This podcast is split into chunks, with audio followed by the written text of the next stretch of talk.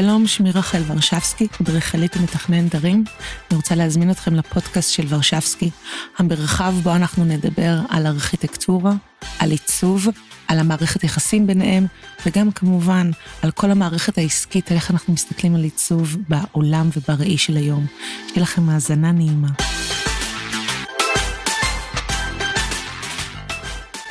היי, שלום, מה שלומכם? אז היום אנחנו בפרק מיוחד בו אני מדברת ואין אורחים. אני הולכת uh, לדבר קצת לעומק על ההתפתחות שאני עברתי בשנתיים האחרונות ואיך אני באופן אישי מסתכלת על המרחב העיצובי בו אני חווה אותו, חווה אותו באופן אישי, וגם מעבר לאיך שאני חווה אותו, אה, אני רוצה איפשהו להעביר בפודקאסט הזה ספציפית, איך אתם יכולים לשנות את זווית הראייה. ההסתכלות שלי בשנים האחרונות, מעבר להיותי מרצה בבצלאל, מרצה בפקולטות, מצאתי את עצמי מסתכלת על נקודות מבט מסוימות באופן שלילי יותר. רוב המעצבים והארכיטקטים מסתכלים על נקודת מבט די שלילית, גם על רמת התכנון, גם על רמת העיצוב וגם רמת הליווי. איך שאנחנו מלווים בעצם את הלקוח קצה, בין אם זה בניין, בין אם זה אה, בית מגורים, משרדים, אה, זה גם יכול להיות אה, חללים מסחריים וכן הלאה. אבל כל החללים הללו והליווי עצמו ברמה הלא מתודית שלנו, בגלל שאנחנו אנשים אה, מעצבים ואנחנו עובדים דרך צ'קרה שנקראת צ'קרת הבטן, או צ'קרה נוספת שנקראת היצירה הידנית, העבודה אל מול המחשב והבאת הדמיון שלנו קדימה והלאה. אנחנו מוצאים את עצמנו בעצם בדיאלוג חוזר ונשנה, ובדיאלוג שהוא כל הזמן לוקה בחסר אל מול הלקוח קצה. למה? כי הלקוח בעצם יש לו איזה דמיון מסוים, ויש לו תקציב X שאנחנו יודעים או לא יודעים לעמוד בו. אה, אם אנחנו מאוד מאוד מאוד, אה, בוא נגיד, אה, מדוקדקים על השקל או על הדולר או על היורו, אנחנו יכולים באמת להיות במצב שאנחנו עובדים על המרחב אה, הסופי עבור הלקוח, וכל שקל או כל זווית אה, פרספקטיבה של, של רמת העיצוב, אנחנו יודעים לה, להכיל אותה ולהפנים אותה לתוך המרחב בו אנחנו מעצבים מחדש. האחריות שלנו בתור ארכיטקטים, או האחריות שלנו בתור מעצבים, דיזיינרים, ומבחינתי גם יכול להיות מעצבים תעשייתיים ששומעים את זה, ויכול להיות גם מעצבים גרפיים ששומעים את הפודקאסט הזה, זה חלל מבחינתי לכל עולם העיצוב. להיות אומן זה להגדיר מחדש מרחב או הסתכלות וזווית ראייה. ולפעמים אנחנו נורא מתוסכלים מהזווית הזאת של איך שהלקוח לא רואה אותנו. ואם היינו משנים רק את זווית המחשבה, תחשבו על זה רק, חוויתי את הדבר הזה במשך השנתיים שלוש האחרונות, לשנות את זווית המחשבה ולשים את, הצ... את הנעליים שלי או את הרגליים שלי בתוך הנעליים של הלקוח ולהסתכל דרך זווית הראייה שלו, דרך ראייה של התקציב, דרך הפחד או החשש, החששות ומצבור החששות וסל החששות שהוא נמצא בו, של הוא לא יודע איך הפרויקט הולך להיראות, או לחלופין, הוא זקוק לביטחון, או הוא זקוק לשלווה. ולהחזקת יד הזאת, למומנט הזה שקיים אצלו, שיעניק לו את הביטחון. ואם אנחנו בתור מעצבים לא יודעים או אין לנו סט כלים מסוים שבו אנחנו יודעים מראש שאנחנו מקיימים מערכת יחסים, וזה סך הכל מערכת יחסים ביני לבין איקס. זה יכול להיות גם ביני לבין בעלי, זה יכול להיות גם ביני לבין הבת שלי, זה יכול להיות ביני לבין כל בן אדם. אני רוצה לנהל מערכת יחסים תקינה. וכאשר אנחנו שמים את עצמנו בתוך הנעליים של הלקוח, אנחנו מבינים שהוא שם עשרות, מאות, אלפי שקלים, דולרים, על הפרויקט והוא רוצה באמת שזה יצא גם מבחינת החוויה של על פי מחקרים, הבן אדם הממוצע בישראל אה, נוגע ברמת העיצוב בין 1.2 לבין 1.4 בכל מהלך חייו ברמה של שיפוץ או עיצוב או דיזיין מחדש. אני לא מדברת על לוגו, אלא אני מדברת על משהו שהוא בר... אה, בר משמעות אה, כלכלית גדולה יותר, אה, סדר גודל של חצי מיליון ומעלה, הוא נוגע בסט... על פי סטטיסטיקות ומחקרים בין 1.2 ל-1.4. אז אם אנחנו מבינים שהסטטיסטיקה היא מאוד מאוד קטנה, והאחוז והנגיעה של לקוח בעיצוב היא מאוד מאוד אה, קטנה לאורך חייו, אנחנו צריכים בתור מעצבים, האחריות המקצועית שלנו, לפחות לפי ראות וזווית המחשבה האישית שלי, זה להעניק לו חוויה כמה שיותר טובה. וכמה שיותר בטוחה. ואני מסתכלת ורואה הרבה הרבה מעצבים שכל הזמן אומרים, אבל הוא לא מבין אותי, הלקוח לא מבין אותי, והם מאוד מתוסכלים, ואז קיים איזה אה, מישור מסוים של, אה, אה, איך אפשר להגיד את זה בצורה עדינה ונעימה, איזה סוג של אה, תסכול חוזר ונשנה אצלנו בתור המעצבים, כי הלקוח בעצם לא מבין אותנו. ואם הלקוח קצה היה יכול להבין מה המסע, מה הדרך, מה הכוחות רצון והיכולות שלנו באופן אישי, לבוא ולהשקיע בסקיצה הזאת, בעיצוב, בתכנון, לשבת על הפרטים, לראות את הניואנסים, האם הבאמת החומר הזה מתחבר לחומר הזה, האם הטקסטורה הזאת מתחברת לבד הזה, ולדעת שבעצם להיות מעצב זה כמו להיות רופא, רק בלי להיכנס לחדר הניתוחים. אנחנו בעצם צריכים להעביר, והחובה שלנו בתור מעצבים, זה להעביר את המתודה ולהעביר את הדיאלוג הזה, גם אם הלקוח פחות מבין בו זה, או גם אם הלקוח יותר מבין במרחב העיצובי, לנסות להעביר לו בשפה כזאת או אחרת, שאנחנו עוסקים בסוג של אנליזה, במרחב מסוים שאנחנו רוצים לשנות לו את החיים. ובין אם זה משהו רגעי ובין אם זה משהו שהוא קונסטנטי אה, לשנים הקרובות, בוא נגיד דירה לשיפוץ, אנחנו, אני יודעת שרוב הלקוחות שלי הם נשארים בדירה הזאת לפחות כ-20-25 שנה, הסיכוי שהם ישפצו עוד פעם הוא יחסית מינורי, אלא אם קרה משהו, ולכן אני רוצה להעביר להם כמה שיותר חוויה טובה. רוב הלקוחות שאני מעצבת להם ומשפצת להם את הבתים, אני יודעת שאני נשארת איתם גם במערכת יחסים ארוכה, אני יודעת שהמרחב שאני הצבתי ואנחנו תכננו ביחד, עברנו איזה מסע מסוים שהביא אותם להיות מאוד בשלים לאיך שהעיצוב נראה. אז איך אנחנו עושים את זה בפועל? אולי שיח יותר מעניין של איזה טיפים מסוימים שאני יכולה להעביר לכם בצורה טובה, שאתם יכולים לקחת את זה אליכם, ויכול להיות שחלק מהטיפים האלה או חלק מהאהבות יסוד או העקרונות האלה יכולים להוות עבורכם גם מסע שאיך אתם מדברים עם הבן זוג, בת זוג, אולי איך אתם מדברים בכלל עם לקוח קצה, או לפעמים גם עם הספקים. מערכת היחסים שלי לא נגמרת רק עם הלקוחות שלי, נגמרת, אה, אה, היא אינסופית, היא לא נגמרת, היא קיימת גם עם המוכר של אה, הבירה בפיצוצייה, והוא גם יכול להיות מערכת היחסים עם בעלי, והוא גם יכול להיות גם עם הספקים, למשל הנגר הוא חלק מהחברים, חלק מהחברים הכי קרובים אליי, הנגרים שאני עובדת איתם, הקבלנים חייבים להיות חברים מאוד מאוד טובים שלי, וגם אנשים וספקים נוספים. כמו האיש המקסים שמקליט עכשיו את הפודקאסט שמחייך אליי, או לחילופין אה, הצלמת שלי ג'ן שנמצאת וצמוד אליי אה, במשך אה, שנים, ואנחנו מקליטות ועושות עשרות סרטונים, והמערכת יחסים הזאת צריכה להיות מערכת יחסים מאוד גבוהה. אז בואו נסתכל רגע אה, מתודית באיזה צ'קליסט מסוים, איך אנחנו יכולים לעשות את זה עבור הלקוח, ושוב, גם שיהיה לכם חוויה בסופו של דבר טובה יותר, ונהיה פחות אדריכלים, או מעצבים, או דיזיינרים, או מעצבים תעשייתיים, פחות מתוסכלים, ונוכל לשים את הדברים על השולחן. אז דבר ראשון, אה, ואני חושבת שהוא אב יסוד לכולם, זה הצעת מחיר. זה סוג של אה, מאזן כתוב. של מדבר על המערכת יחסים שאני הולכת להיכנס עם הלקוח, אה, ואיך אני הולכת להיות איתו לאורך החצי שנה, חודש הקרוב, שנה הקרובה, אולי עשור קרוב, איך אני הולכת להתנהל מולו. אם אני הולכת להתנהל מולו בצורה X, ומתי אני זמינה או לא זמינה. אה, אלה חלק מהדברים שאני למדתי על הבשר שלי ועל הכאבים שלי, אז אני ממליצה מאוד ליישם אותם. אה, למצוא בהצעות המחיר הגדרות מאוד מובנות למה אנחנו הולכים כן לעשות עבור הלקוח ומה אנחנו לא הולכים לעשות. למשל, אחת ביום, ואני דוגלת בזה וזה חלק מערכי הליבה האישיים שלי במשרד, אה, זה צחוקים, אז הנה בדיחה מספר אחת, אל תהרוג אותי.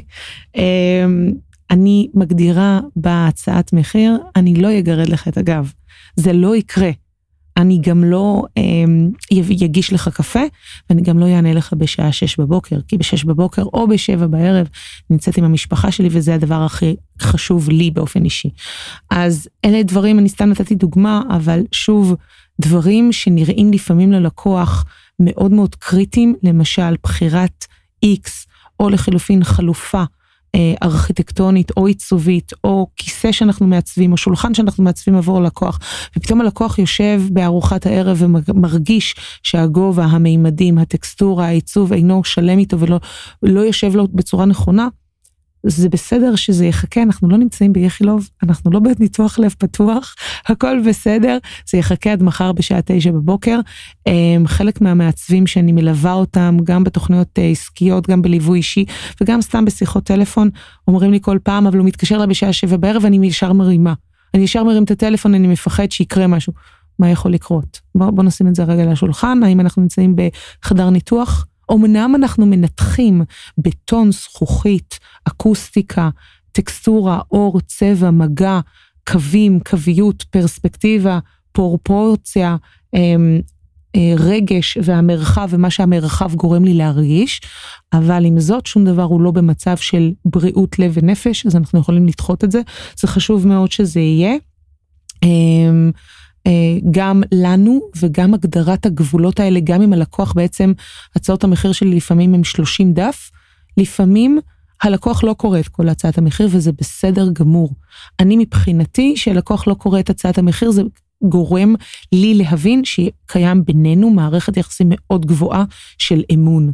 ואם יש בינינו אמון מאוד גבוה, הכל הכל, הכל יכול להתקדם משם. אם יש בינינו מערכת יחסים של חברות אה, מסוימת, גם עם מערכת יחסים עסקית, עדיין, אה, ויש לה הגדרת גבולות גזרה, אני עדיין יודעת שביני לבין הלקוח יש כבוד הדדי, וזה אחד אבות היסוד, אז תסתכלו על הצעות המחיר שלכם. תבדקו אותם. יש לי סשן שלם, אה, אתם יכולים לחפש בפודקאסטים, אנחנו נעשה עוד סשנים שלמים על הצעות מחיר, ומה הצעות מחיר אמורות באמת לכלול, אבל זה ככה מבחינת הוואי כללי, האם הצעת מחיר שלכם פורטת, אחד, מה אתם אמורים לעשות, ושתיים, יכול להיות שהיא פורטת גם את הדברים שאתם מפחדים להגיד, שזה אני אלחש את זה ככה בשושו שאף אחד לא שומע, זה ביני לביניכם, מה אתם לא מוכנים לעשות. אחד מהדברים ש... מעצבים אומרים והם מפחדים להגיד זה, אני, אני, רק, אני, רק שיסגור איתי. לא, לא, לא, לא, לא, אפשר לשים את הדברים שאנחנו מוכנים לעשות ואת הדברים שאנחנו לא מוכנים לעשות. אז זה ככה בסבבה אבות יסוד, בוא נגיד, מבחינתי, אם יש לכם הצעת מחיר מנצחת שמגדירה בדיוק מה אתם עושים ומה אתם לא עושים, אה, מבחינתי זה 50% מהעסק. זה באמת אה, עמוד האש שמלווה אותי לאורך כל הפרויקטים שלי, וזה גם בדיאלוג הקטן של שיח אפילו מייל קטן, מה במייל הזה הולך לקרות עם הלקוח, האם הוא הולך לקבל X או הולך לקבל Y. אז תסתכלו איפה השירותיות שלכם. אה, נמדדת, שמוביל אותי בעצם לאב יסוד השני שלי שאני תומכת בו ואוהבת אותו, ובטח ובטח בשנים האלה של העשור הזה של אנחנו מתקרבים ל-2020, חוויית לקוח. מישהו דיבר איתכם על חוויית לקוח? הלקוח עצמו בחיי ובאמת לא מעניין אותו אה, לא את הלוגו שלי, שאני מביאה לו, ולא את התוכניות, ולא את העיצוב עצמו, ולא את המוצר. הוא מעוניין במעטפת ההיקפית. המוצר עצמו, על פי מחקרים, היה מחקר מאוד מאוד מעניין בהרווארד, שהם כתבו שהמוצר עצמו, או הכוס קפה של סטארבקס, הוא בעצם 5-6 אחוז מתוך כל המכלול של החוויה, ויותר מ-90 אחוז זה מעטפת החוויה של סטארבקס קרוב אליהם לבית, יש להם תמיד וויפי זמין, יש להם תמיד אה, ספה נוחה שהם תמיד נהנים, יש להם את כל מגוון האופציות, בין אם נמצאים בדיאטה ובין אם לא, זה ממש חשוב. אה, יש אנשים שדוגלים מאוד ברמה של... אה, הקפה שלהם יהיה גם דיאטטי וגם טוב. אה, זה שסטארבקס הוסיפו בשנים האחרונות גם שייקים של מאצ'ה ומשייקים ירוקים ודברים כאלה, שדרג את החוויה ונתן איכות וחוויית לקוח הרבה יותר גבוהה לקבועים של סטארבקס, והם יושבים שם ועושים שם דברים נפלאים ועובדים.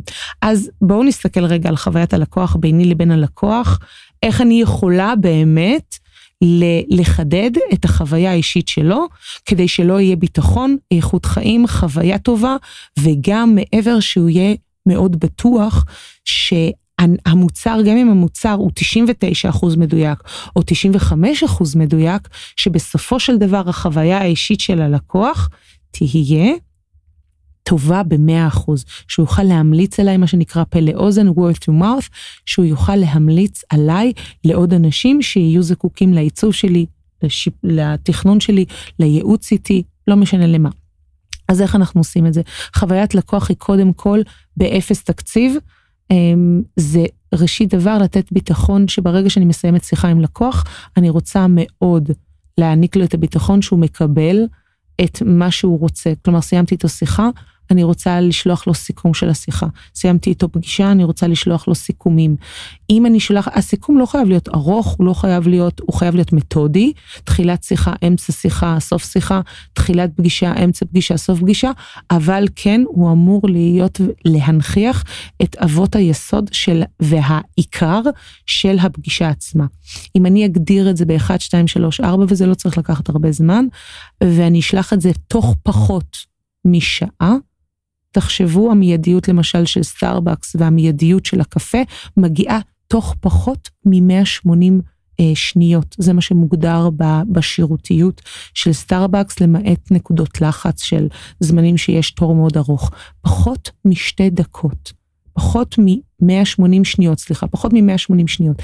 אם אנחנו יכולים לספק ללקוח פחות מ-180 שניות את החוויה האישית שיש לו ביטחון על מה שאנחנו שוחחנו, ומיד מקבל את הלינק, את ה product, את התוכנית שתועבר אליו תוך 24 שעות, או לחילופין כל דבר אחר שאנחנו סיכמנו בפגישה, לקוח יהיה ודאיות שהוא נמצא עם משרד מאוד מאוד רציני, עם סטודיו מאוד רציני, עם מקום מאוד רציני, בן אדם שמכבד אותו ומכבד את הזמן שלו.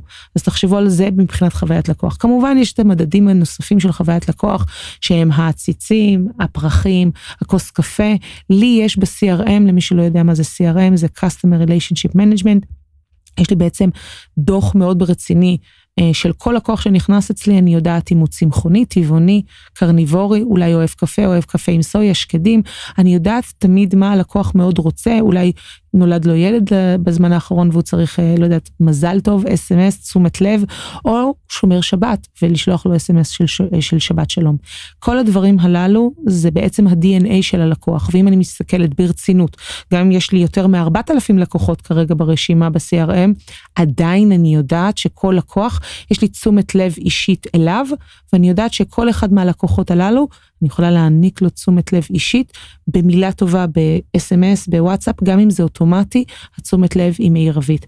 אז דיברנו על הצעת מחיר, דיברנו על חוויית לקוח, שזה אחד מהדברים שבאמת שדרגו את העסק שלי והביאו אותו למשהו היום, גם היום שזה יש כבר אלפי לקוחות ומעל מעל 400 לקוחות קצה, אבל אם יש משהו אחד שאני יודעת שהעסק שלי נראה אחרת ויכול לעזור גם לכם, זה הטיפ השלישי. ואם אתם תיישמו אותו, העולם שלכם, העסק שלכם, מבטיחה לכם, ייראה אחרת לגמרי. מיידיות. אחד מהדברים שעזרו לעסק שלי בכלל לצמוח ובכלל חוויית השירות, שהלקוחות מאוד מודהמים מזה שאני רצה מאוד מהר כאיילה, לאו דווקא על איך שאני נראית, אלא יותר על הרצה על המתודה. בדיחה שנייה, בדיחת קרש, לא יודעת אם היא מוצלחת, אבל תגידו לי ב, ב, אה, ככה בתגובות למטה אם זה היה באמת מוצלח. אני אחרי לידה בכל זאת. אה, זה לשבת ולהגדיר מיידיות. כמה המיידיות שלי אל מול הלקוח היא מהירה. האם הלקוח מקבל, זה לא ברמת של חוויית לקוח, זה ברמה של מיידיות. אם הלקוח מקבל ודורש אה, שינוי X, או מקבל תשומת לב, אה, רוצה תשומת לב להצעת מחיר Y, או רוצה את חוות הדעת שלי, אה, אני בדקתי עם למעלה מיותר מ-400 לקוחות קצה, לפחות לגבי עיצוב, ועכשיו אני בודקת את זה בקהל יעד נוסף, שזה רמת המעצבים. אני חושבת שסדר גודל תוך חצי שעה, מענה לתשובה מסוימת, ואני אומרת ללקוח, אני אחזור אליך, ואני אחזור אליך בחצי שעה הקרובה, הגדרת לוחות זמנים בשלושים דקות הקרובות, ואני מתעסקת עם זה במשך 20 דקות, ואני מביאה לו עד 30 דקות, אני חוזרת ללקוח עם תשובה. גם אם היא, אין לי תשובה, אני יודעת לחזור אליו תוך 30 דקות. יש איזו מיידיות מסוימת שהלקוח, שהיא גורמת ללקוח לחייך. שימו לב מה אני אמרתי, גורמת ללקוח לחייך.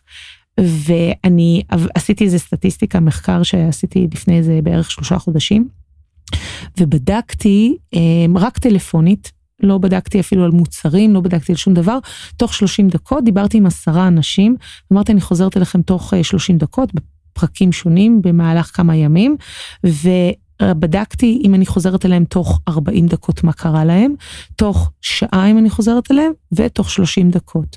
אז שוב עשיתי את זה ממש ממש קטן, במחקר מאוד מאוד כאילו סטטיסטי, לראות uh, תוך uh, uh, חצי שעה אם זה באמת קורה, וזה היו עשרה אנשים. תקשיבו, חמישה אנשים מתוך העשרה אנשים האלה, היו, רחל, אני לא מאמין שאת חזרת, אליך, חזרת אליי תוך 25 דקות. הדבר הזה גרם לביטחון מאוד מאוד גדול, ומתוך החמישה לקוחות האלה שאני חזרתי אליהם תוך אה, חצי שעה, או עד חצי שעה, ארבעה מתוכם הפכו להיות לקוחות שלי. אז אה, תחשבו על שלושת הדברים האלה שאני הקניתי לכם. אני חושבת שזה יעניק לכם אה, הסתכלות שונה על החיים, מתודה אחרת, על החיים, על עצמכם, ובכלל, ספרו לי ככה בתגובות, אולי אתם אה, אה, חושבים אחרת, ואולי יש לכם טיפים לשדרג בכלל את החוויית לקוח ואת מה שאני אמרתי עכשיו. שיהיה לכם אה, המשך האזנות נעימות, ואנחנו נתראה בפודקאסטים הבאים. אה, שיהיה לכם יום מעולה. ביי.